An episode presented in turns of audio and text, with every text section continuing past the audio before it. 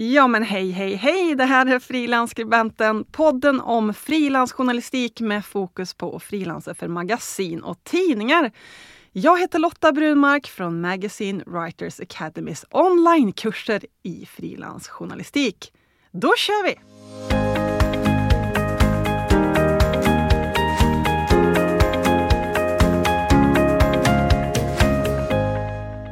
Hade drömt om att frilansa ända sedan hon var liten. 2020 tog hon chansen och var med i Magazine Writers Academys första onlinekurs här i Sverige. Och då sålde hon sin första artikel innan kursen ens var slut. Jag säger välkommen till frilansskribenten Andrea Jakobsen. Hej Lotta, tack så mycket. Hur är läget med dig? Jo, då, det är fint. Det är måndag igen, ny vecka och nya utmaningar. Hur är ja. det med dig?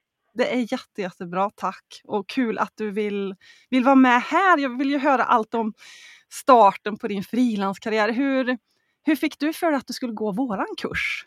Ja, nej men precis. Jag har ju länge drömt om att vara eh, magasinskribent, ända sedan jag var liten faktiskt. Och eh, när jag pluggade till journalist i Kanada, där jag är uppvuxen, så insåg jag hur mycket jag verkligen tycker om att skriva lite längre reportage, eh, gärna med, med människor i fokus.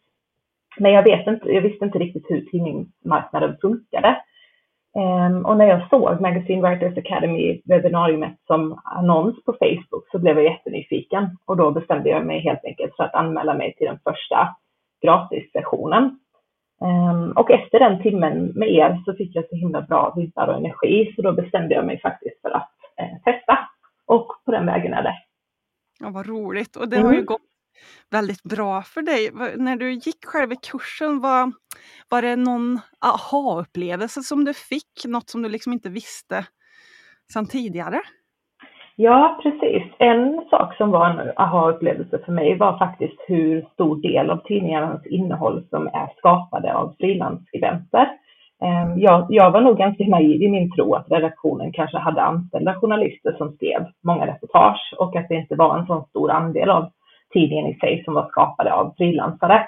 Ehm, så det var ju en jätterolig eh, sak att inse under kursens gång.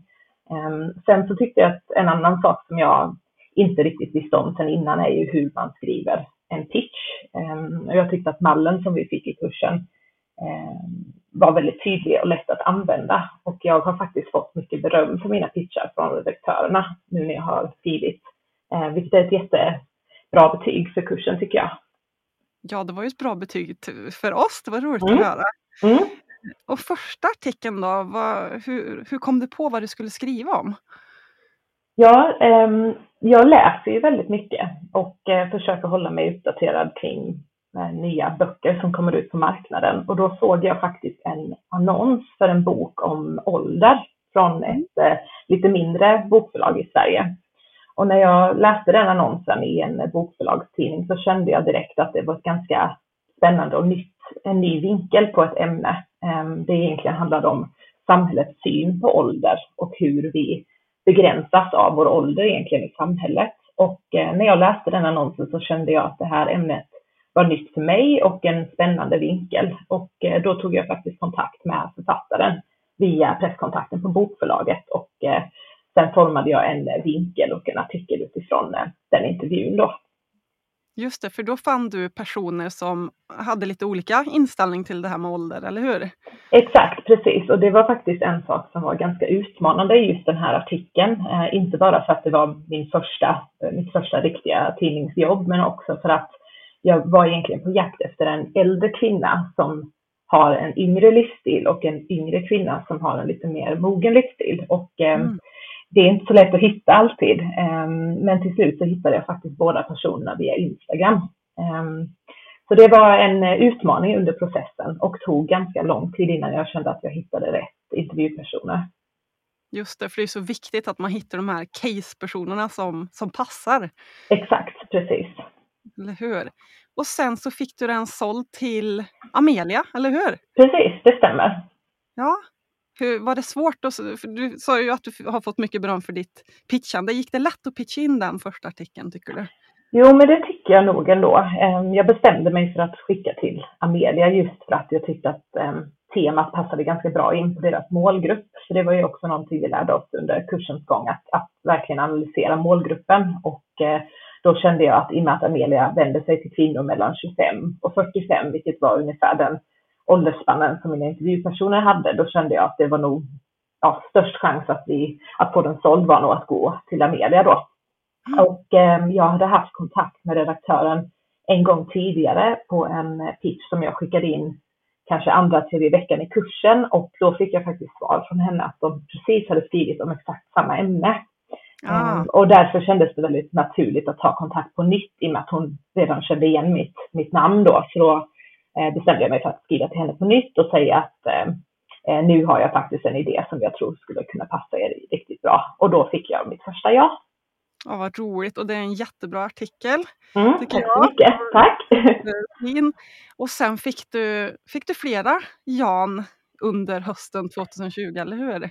Ja, eller hur. Ehm, det där första jaet var verkligen som ett startskott och ehm, jag tror att det var precis det jag behövde för att känna att eh, ja, det här funkar och det här är verkligen någonting för mig. Ehm, så sen kursen har jag sålt eh, fem artiklar ehm, om allt ifrån högkänslighet till eh, tidningen Mama till ett reportage om eh, blandrashundar till Härliga hund som kommer ut nu i vår.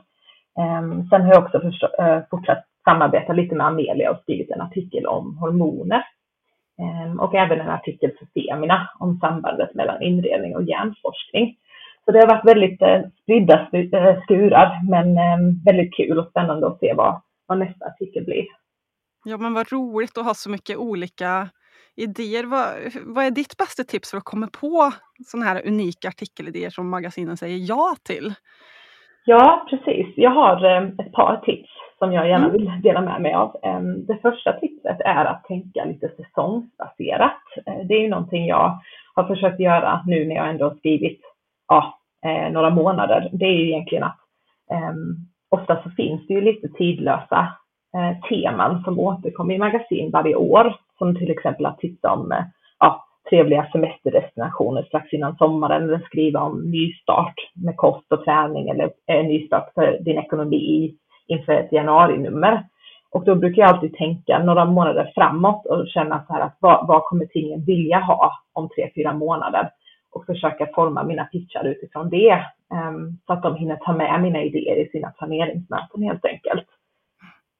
Just det, för det är så viktigt också där att vara ute i god tid, alltså att man tänker några månader innan eftersom de har ja, planering längre, längre, längre fram i tiden. Pressläggningstiden på magasin är ju några månader, så det är ett väldigt bra tips. Ja, precis. Sen så brukar jag ju också läsa väldigt många magasin ehm, och inte bara sådana tidningar som jag kanske normalt själv hade valt i hyllan, utan jag försöker utmana mig själv genom att att läsa kanske en tidning om fiske, fast det inte är någonting som jag är nödvändigtvis är intresserad av. Men jag tycker att oftast hittar man ju någon vinkel eller någon artikelidé i någon annat, något annat ämne som man själv kanske inte skulle, skulle välja att läsa. Um, sen så brukar jag ju också bläddra i internationella magasin, för där tycker jag att uh, där kan man ju hitta idéer som funkar för en svensk målgrupp också och uh, ja, skapa sin egen vinkel utifrån, utifrån vad andra tidningar skriver om helt enkelt. Ja, jätte, jättebra tips. Mm. Och hur ser planerna ut framöver då? Vad, vad tänker du? Ja, en sak som jag gärna vill få till under 2021 det är ju att schemalägga mitt frilansarbete lite mer om det är möjligt. Mm.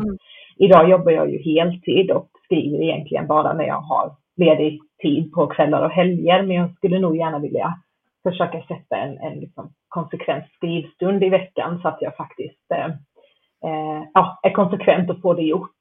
Eh, och sen skulle jag även vilja lära mig att fotografera, för det är en sak som jag har känt under min frilanskarriär än så länge att eh, det efterfrågas verkligen ett, ett, möjligheten att leverera ett paket med både bild och text och eh, än så länge har jag mest fokuserat på textbiten. Så det är också någonting jag gärna hade velat eh, lägga lite tid på att lära mig. Ja, men det är jätteroligt om man kan bredda sig och så kan du få mer betalt också. Ja, exakt. Precis, det är perfekt. Perfekt. Vad, vad tycker du är det bästa med att frilansa? Um, jag skulle nog säga möjligheten att lära sig nya ämnen. Ehm, jag tycker det är väldigt utmanande att, att kanske välja att skriva en artikel om någonting du inte vet jättemycket om redan. Ehm, som jag nämnde innan har jag ju skrivit både om högkänslighet och hjärnforskning. Och de, det är ju två väldigt breda ämnen, men två ämnen som inte jag personligen har haft så bra koll på sedan tidigare. Så jag tyckte det var väldigt givande att, att eh, ja, få intervjua en expert på de här ämnena och eh, ja, man kommer ut på andra sidan med mer djupare förståelse om ämnen man inte visste någonting om sedan innan. Sen så tycker jag ju också att det är väldigt, väldigt kul fortfarande att se sina artiklar i tryck. Det är liksom ja. en underbar känsla. Um, och det är ja, speciellt den första där uh, från Amelia var ju väldigt kul att få liksom hålla i handen. Ja, men det är något speciellt att få den där eh, boosten och få se sitt namn i tryck och det här har jag gjort. Jätte ja, eller hur. Precis. Och jättebra som du säger där också att det är ju väldigt många som tror att, att man bara kan skriva om det man kan någonting om. Men som journalist så kan vi ju ställa frågor om allt. Vi behöver inte veta någonting på förhand. Det är klart vi måste researcha men vi kan ju få reda på så mycket under intervjun och när vi skriver. Så man lär sig ju väldigt mycket. Ja, precis. Och jag tror också att då breddar man ju sin marknad också. För att en sak som vi pratade om mycket i kursen, det är ju att det finns så himla många olika magasin.